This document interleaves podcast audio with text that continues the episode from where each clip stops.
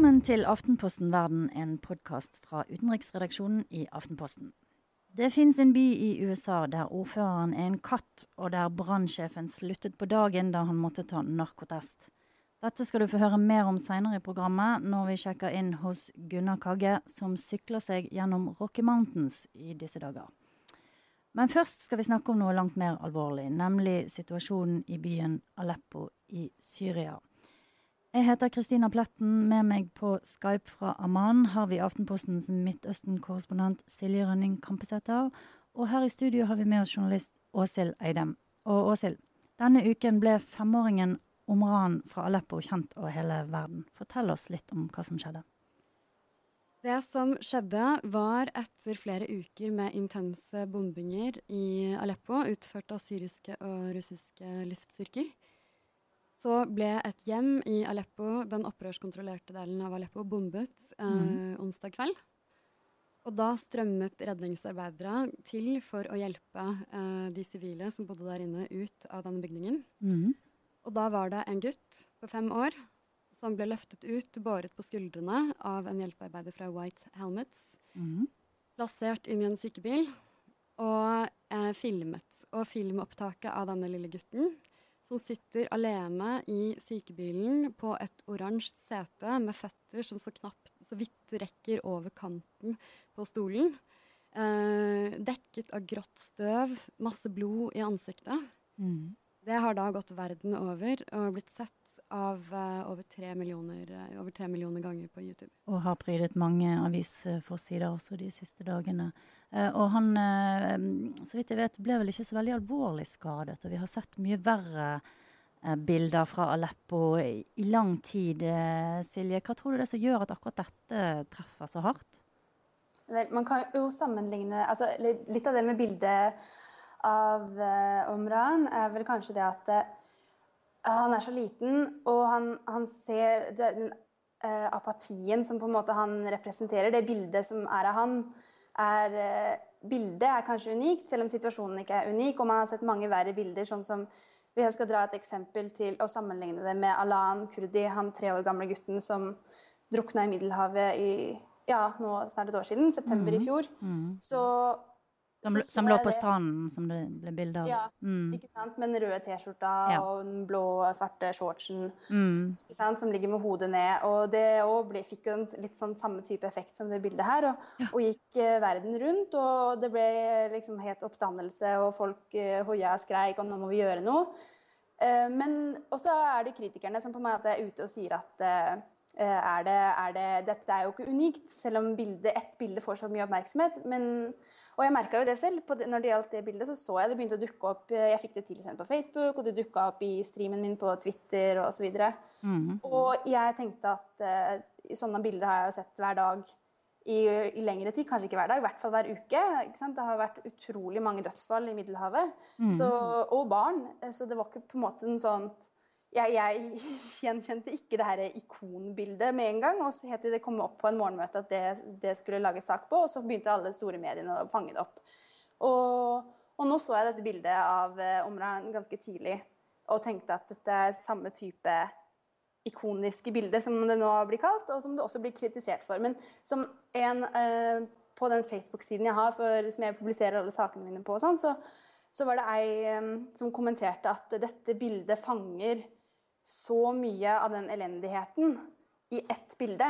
Så, så selv om dette er noe, en, en, situasjon som vi har kjent med så utrolig godt, og som vi vet skjer hver dag, så er det noe med at ett bilde kan oppsummere så mye. da, Og, og virkelig liksom sette, sette, et skikkelig støkk i det. Ja, dere to har jo jobbet uh, lenge med å dekke denne regionen, begge to. og... Um, er det urettferdig Åshild, at, uh, at uh, ikke de andre ofrene og situasjonen får like mye oppmerksomhet? Men, altså, man kan jo se det sånn, men samtidig så tenker jeg at han, alle forstår at han uh, gutten på dette, disse siste bildene blir en representant for noe som mm. angår fryktelig mange. Mm. Og jeg tenker at Det som er felles for disse to bildene med Alan i fjor og Amran i år, er at det er ganske stille bilder, som står litt mm. i kontrast til veldig mange av de andre bildene vi ser, hvor det er uh, mye lyd, mye uh, mm. gråt, uh, som gjør at man rent psykologisk setter opp en slags sperre. Ja. Mens disse bildene, fordi de er så rolige, så lar de leseren, seeren, lytteren rykke nærmere selv. Mm, mm. Og det har jo allerede blitt satt sammen en sånn komposisjon som går på sosiale medier nå, med både Alan og Omran, eh, mm. hvor, hvor, hvor, teksten til Alan er 'Dette skjer hvis du drar', og teksten til Omran er 'Dette skjer hvis du blir'.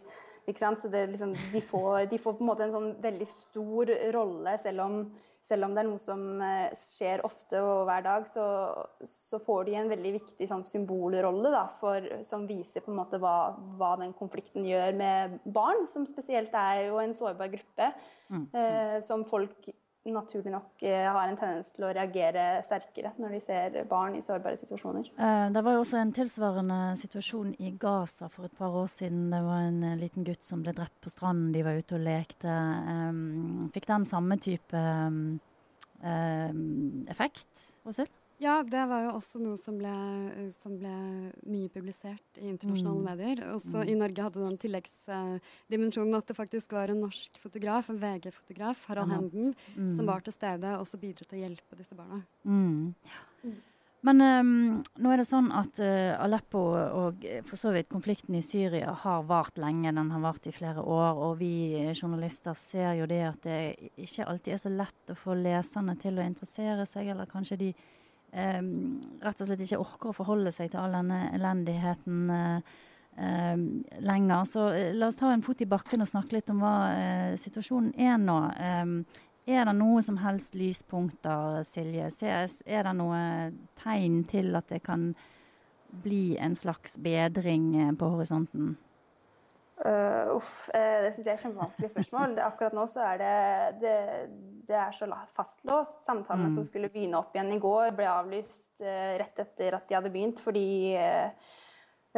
fordi det ikke går an å få frem humanitær hjelp. Og selv om de humanitære organisasjonene sier jo at det er ikke noe humanitær løsning på konflikten, men det er klart at når ikke det engang får nå fram, og alle krigens regler, som faktisk eksisterer, eh, ikke gjelder, så blir det litt vanskelig å på en måte kunne forhandle når det ikke er noen sånn grunnpremiss for forhandlingene. Da. Og, så, så det, akkurat nå det er det, det er, Jeg må si at jeg syns det er vanskelig å, å, se for meg Det er så mange internasjonale parter blanda inn som, mm. som ikke Som alle har hver sine interesser. da. Og, og da Det er klart det, det, gjør det vanskeligere og vanskeligere for hver eneste nye eh, stat som blander seg inn. Ja, Åshild, du har uh, hatt uh, kommunikasjon med flere mennesker inne i Aleppo uh, de siste ukene. Hva forteller de deg? Nei, De forteller jo om en situasjon som har Selv om man kanskje ikke skulle tro at det kunne bli veldig mye verre, så har det vært en helt ekstrem bombarderinger, kamphandlinger den siste mm. måneden. Mm. Etter at regimestyrker med hjelp fra iranske allierte forrige måned mm. gikk inn og omringet og beleiret uh, den østlige delen av Aleppo, som er kontrollert av opprørsstyrker.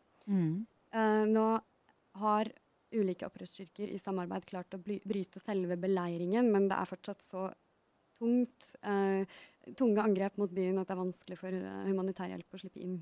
Men det de sier, de som jeg snakker med, er jo Det er en veldig sånn spesiell situasjon å sitte og dekke det her i Oslo. Eh, annet fordi at jeg kommuniserer med dem eh, via Facebook, WhatsApp, mm. meldingstjenesten WhatsApp. Mm. av den grunn at det er enklere fordi at linja kan være dårlig når man mm. snakker sammen. Men de har eh, internett til Ja, men det, det, det, skifter litt. Sånn at jeg har sittet og fått plutselig meldinger fra de når de har uh, anledning til å snakke med meg, eller når de mm. får, plutselig har fått tilgang til uh, internett. Da. Og det kan mm. være sent på kvelden her. Jeg hadde en episode hvor ikke jeg fikk snakket med kilden min før klokken ett på natten. jeg hadde vært ute i Sommer-Oslo med venninner og hatt ja. en flott kveld. Og så plutselig når jeg kom hjem, da fikk vi begge et tidspunkt hvor vi kunne snakke sammen. Da lå jeg i senga mi, klokka var ett på natten, det var tungt mm. uh, sommerregn utenfor. Mm. Og jeg hører en stemme i en, et område som på det tidspunktet var beleiret. En kvinne som helt, har en helt sånn skjelvende stemme og sier til meg at det er helt sinnssykt her nå, de bomber i ett sett, det regner missiler. Mm. Og det er veldig rart at teknologien i det hele tatt gjør det mulig å ringe inn til en krig. Mm.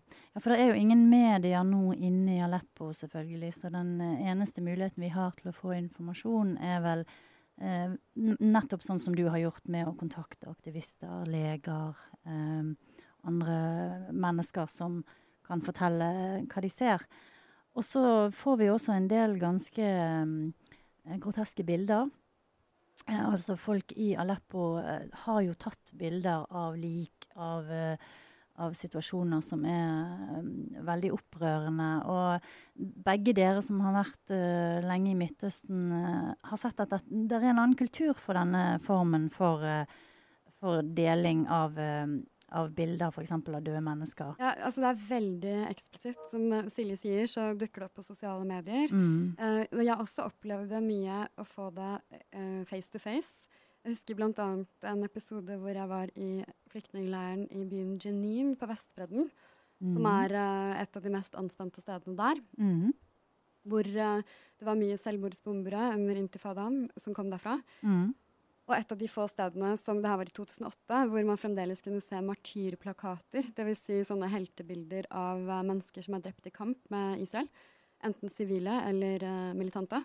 Og disse uh, martyrplakatene henger de heng, Det hang rundt i gatene. Ja. Og hjemme på veggene til folk. Og ja. i Gaza ser du de overalt. Mm. Um, og jeg husker jeg ble jeg var ute og gikk i gatene, og så ble jeg ønsket velkommen inn på kaffe, sånn som man gjerne blir i Midtøsten, eh, hos en familie.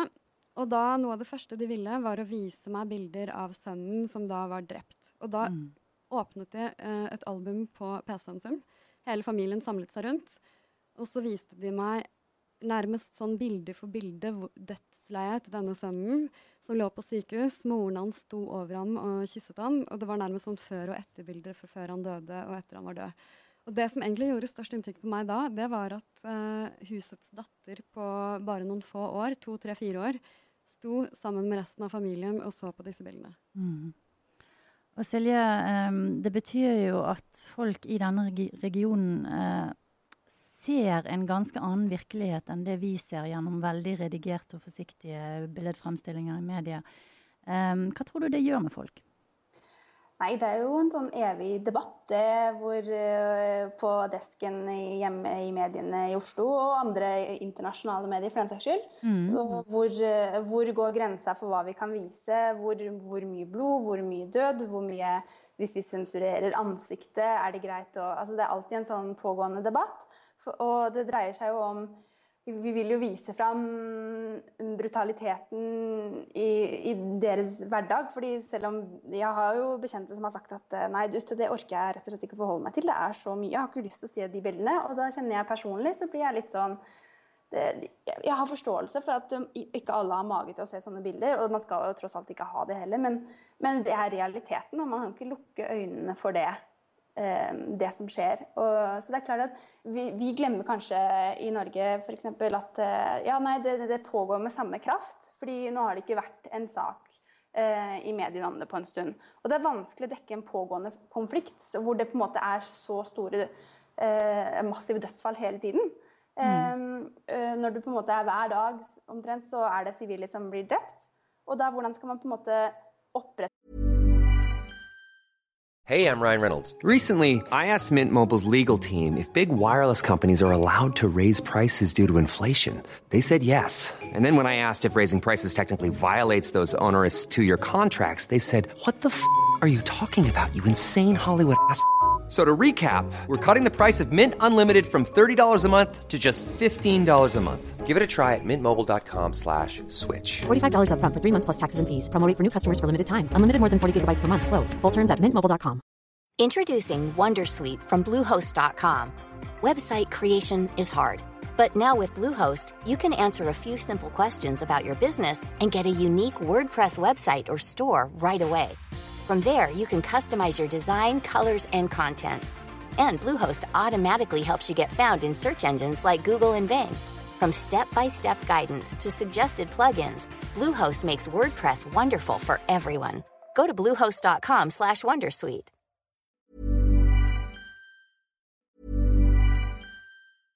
Hey, I'm Ryan Reynolds. At Mint Mobile, we like to do the opposite of what Big Wireless does. They charge you a lot we charge you a little. So naturally, when they announced they'd be raising their prices due to inflation, we decided to deflate our prices due to not hating you. That's right. We're cutting the price of Mint Unlimited from $30 a month to just $15 a month. Give it a try at mintmobile.com slash switch. $45 upfront for three months plus taxes and fees. Promo for new customers for limited time. Unlimited more than 40 gigabytes per month. Slows. Full terms at mintmobile.com. Introducing Wondersuite from Bluehost.com. Website creation is hard. But now with Bluehost, you can answer a few simple questions about your business and get a unique WordPress website or store right away. From there, you can customize your design, colors, and content. And Bluehost automatically helps you get found in search engines like Google and Bing.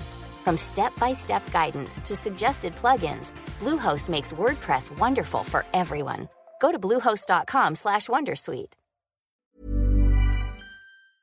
Holde en, en interesse, det er nå én ting, men hvordan skal man dekke den?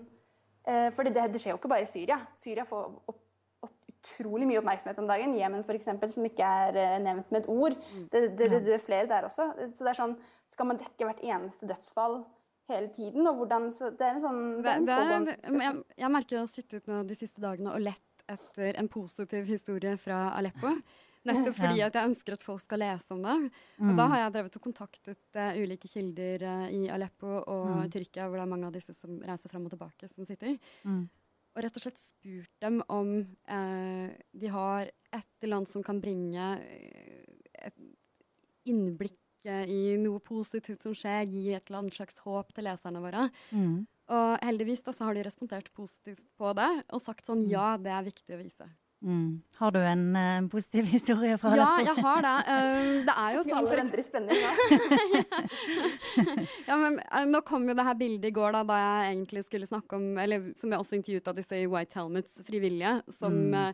har som jobb, ubetalt, å rykke ut hver gang det har vært et angrep, mm. og grave ut overlevende. Mm. Og det er jo selvfølgelig ikke bare en positiv historie, men et, et godt eksempel er jo nettopp han Amran, som da overlevde. Mm og ble hentet ut av uh, White Helmets. Mm. Men, uh, nei, men det er jo sånn som at uh, det har vært veldig dårlig tilgang på mat pga. beleiring og pga. disse angrepene. Ja. og da har jeg funnet seks kvinner som har startet et kjøkken hvor de deler ut mat til flere hundre mennesker hver dag, f.eks. Mm, mm. Hvis vi skal bare gå litt tilbake til dette med, med bruk av bilder, som Silje var inne på, så tenker jeg at det er, det er, en interessant debatt da, hvor går grensen mellom å liksom fråtse i elendighet og, og ikke vise krigens realiteter. Og hvis man går tilbake til første Gulfkrigen, eh, som var vel første gang eh, eh amerikanerne mm, eh, totalt raderte ut pressen, og eh, ingen fikk se på en måte de snakket om klinisk krigføring, og man så bare sånn noe som så ut som stjerneskudd, ikke sant? men som egentlig var selvfølgelig bomber som falt på noen, og som drepte noen. Og så har vi frem til i dag der vi har droner som eh, tar liv eh, hele tiden, men man ser aldri egentlig eh, Man ser disse satellittbildene sant, av noe som blir sprengt i luften. Så eh, det er jo kanskje en debatt som vi i mediene bør fortsette å ha om vi eh, viser krigens realiteter nok. Eller om vi er for forsiktige. Mm, Nei, har dere noen eh, mening om det? Veldig. fordi altså, det er akkurat som du sier, at når det kommer sånne type bilder, sånn som Russland nå er jo ivrige på å legge ut, og USA for den saks skyld, mål som de har truffet. ikke sant? Du ja. ser sånne dronebilder og ja. liksom, den herre gåseøyne kule aspektet ved se hvor flinke vi har vært til å bombe. Mm. Eh, og det er klart Du får en sånn distanse, og du glemmer litt sånn Hvor har denne bomba treffet? Hvem er det den har truffet? Eh, og, og, det kommer jo mange meldinger om at de ikke treffer der de sier de har tenkt å treffe. Eller, ja. Så, så det, det, er kjempeviktig at det kommer ut bilder fra bakken.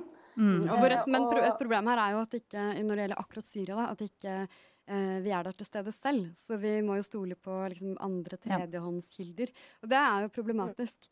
Uh, for jeg tenker det å alltid være til stede, Hvis man kan være til stede på bakken, så er det å vise konsekvensene ekstremt viktig. Og så har man jo ulike hensyn man skal ta. da. Det ene er til leserne våre. Hvor dramatiske bilder kan vi vise uten at det støter eller skremmer vekk eh, lesere? Mm -hmm. eh, det andre er hensyn til ofrene på bildene. Og akkurat der må jeg si når det gjelder han Amran i sykebilen, så snakket jeg med en fotograf som jobber i den aktivistgruppen som publiserte videoen. Mm. Og han fortalte at de hadde forsøkt å nå filme Amran, som nå er sammen med familien sin og er i god behold, filme han sammen med faren. Og da nektet faren å la dem få lov til å vise nye opptak. Og Årsaken til det, forklarte han, var at de frykter represalier fra regimet.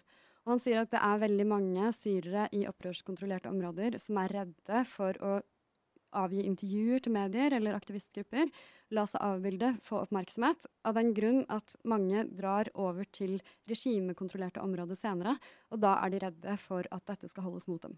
Tusen takk til Åshild og til Silje. Og da skal vi over til Gunnar Kagge, som sykler USA på tvers. Og Gunnar, hvor befinner du deg nå? Nå befinner jeg meg litt nord i Wyoming, eh, like ved en by som heter Du Bois. På, jeg er på en campingplass. I dag skal vi klatre bratt oppover til en um, eh, 3000 meter, og så ned mot de store nasjonalparkene Grand Teton og Yellowstone. Det høres flott ut. Og så har du jo også da syklet gjennom en masse forskjellige småsteder, og det er det vi skal snakke litt om i dag. Den uh, utsatte amerikanske småbyen. Og fortell litt, du har jo i USA så har jo de spøkelsesbyer fra mange eh, forskjellige epoker. Fortell litt om hva du har sett på i de siste dagene. For, for tre netter siden bodde vi i en nedlagt kirke i en by som heter Jeffrey City. For bare 30 år siden bodde det 4000 mennesker der. Nå er det igjen 60. Eh, noen ranchere og noen som eh, ikke virket som om de var i stand til å flytte da markedet for uran falt sammen. For dette er mm. en by som ble bygget opp på 1950-tallet. Eh, på uran til mm. både våpenindustri og kraftverk. Og så gikk den kalde krigen mot slutten, og man hadde ulykkene i Tsjernobyl og Three Mile Island, mm. og hele markedet raste. Og Det er nesten ikke en spøkelsesby engang. Det står igjen noen hundre hus. Resten ble bare demontert og flyttet til der hvor det var mulig å finne arbeid. Og nå er altså kirken et slags uh pensjonat, eller hva skjedde med det? Gra, gra, gratis herberge for syklister. um, dette var jo, Du snakket om dette var fra 50-tallet, men det fins jo spøkelsesbyer helt tilbake fra gullgravertiden. Og det er vel det, det, området du er i nå, kanskje?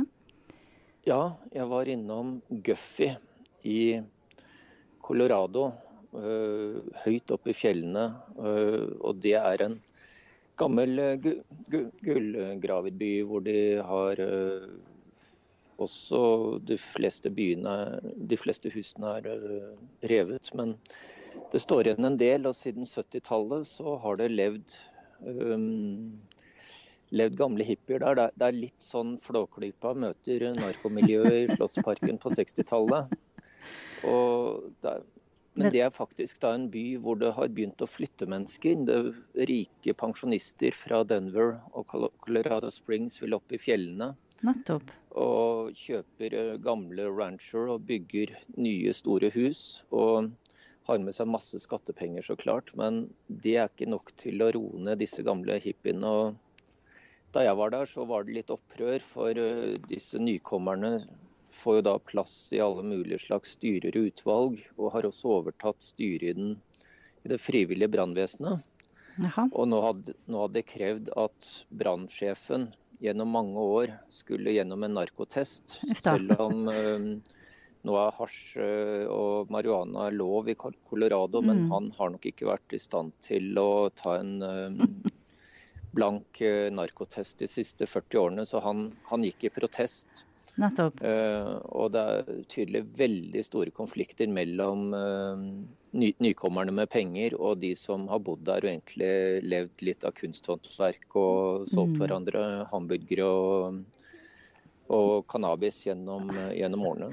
Men har de, har de pustet opp i noen av de, de gamle bygningene fra gullgravertiden og sånn, eller står det liksom fortsatt til forfalls? Ja, uh, noen av dem. Jeg leide en hytte for 15 dollar som var en gammel eh, gullgraverhytte. Og den var fin, den, selv om man kunne se gjennom veggene. og Neppe, neppe noe særlig om vinteren.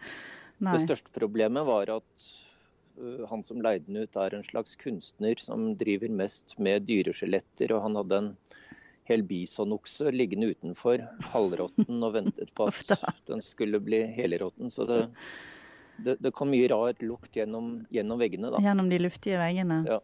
Mm. Men, men, dette med småbyene er et kjempeproblem også. Ja. De, de, de, dør. Det er veldig vanlig når vi sykler gjennom småbyer at uh, nesten halvparten av forretningslokalene står uh, låst, ofte mm. spikret igjen og veldig mm. ofte til salgs. Hoteller, moteller, restauranter forsvinner. Mm. Uh, og det er rart med tanke på at amerikanske politikere har Small Town America som et sånn kjempepositivt ladet ord. De skal alltid jobbe for Small Town America, men mm. veldig mange av disse byene dør. Ja, og eh, når man kjører eller sykler som du gjør da gjennom USA, så, så ser man jo ofte det at eh, langs motorveien så ligger det gjerne noen sånne kjeder med eh, McDonald's og noen mm. hotellkjeder og sånn, men når man kommer inn i det som tidligere var bykjernen, så har man gjerne en Main Street.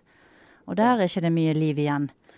Nei, og det, det, det, kan gjøre det veldig kjedelig å reise ja. i amerikanske byer. fordi at du, mm. du, finner ikke noe bykjerne lenger. Nei. Og uh, i disse småbyene så er det også når Walmart, denne enorme uh, butikkjeden, slår seg ned i uh, kjørbar nærhet, som gjerne kan være en ti norske mil, så forsvinner altså småbutikkene og dermed trues lokalsamfunnene ut forferdelig raskt. Og Walmart, eh, for de som ikke har hørt om det, er jo en sånn kjempebutikk som har alt mulig fra mat til stereoanlegg til klær ja, til alt er, man trenger på en måte. Det er mange fotballbaner med, med varer. Mm, mm. Um, og det, det, er et kjempeproblem. Mm. Og samtidig så er dette med at amerikanere flytter en del av det som gjør at amerikansk økonomi er så levende og mm. omstillingsdyktig. Mm. Og de har et arbeidsmarked på størrelse med EU. Og jeg så tall her i forrige uke fra Verdensbanken at det er tre ganger mer sannsynlig at en amerikaner flytter fra en delstat til en annen at, på jakt etter jobb, enn at en EU-borger benytter seg av sitt frie og enorme arbeidsmarked og flytter mm. fra et land til et annet. Og mm det er eh, For amerikansk økonomi er det en kjempestyrke, men eh, det er jo knyttet mye sterke følelser til landsbygda, og den, den er virkelig truet. Mm. Og så har man eh, en litt sånn underlig på en måte positiv, eller noen vil si det er en positiv utvikling. som er F.eks. da jeg var i South Dakota for noen år siden, så så man at naturen hadde kommet tilbake. altså Prærien vokste opp igjen, og ville dyr hadde igjen eh, tatt seg opp. Altså bestanden hadde tatt seg opp. Så det er jo eh, kanskje det at folk forsvinner og, og, industri forsvinner for noen er en positiv ting. Og dette har kanskje du også sett noe til? Ja, det, det har jeg sett noe til. Og det er jo også noe av det jeg håper folk som følger Sykkel-Gunnar på Facebook og leser det jeg skriver i Aftenposten, får med seg at USA er så utrolig mye mer enn skyskrapere og mm. strender i Florida og Disneyland at naturen i uh, det indre, midtre USA er så fantastisk. De har enorme nasjonalparker mm. og uh, byr på fantastiske opplevelser. Og det er um, menneskene her er så mye vennligere og lettere å komme i kontakt med enn i storbyene. Så uh, det er vel verdt å slå et slag for å ta en USA-ferie og styre unna storbyene fortsatt. Mm. Og nå skal du altså opp i noe av det som er USAs eh, aller eh, flotteste og vakreste natur. Så da kan vi jo prate litt om det neste uke, når vi igjen får kontakt med deg ute på landeveien. Det var altså denne ukens podkast. Du kan finne utenriksjournalistikken vår på nett, på mobil og selvfølgelig i papiravisen. Vi takker for følget og høres igjen neste uke.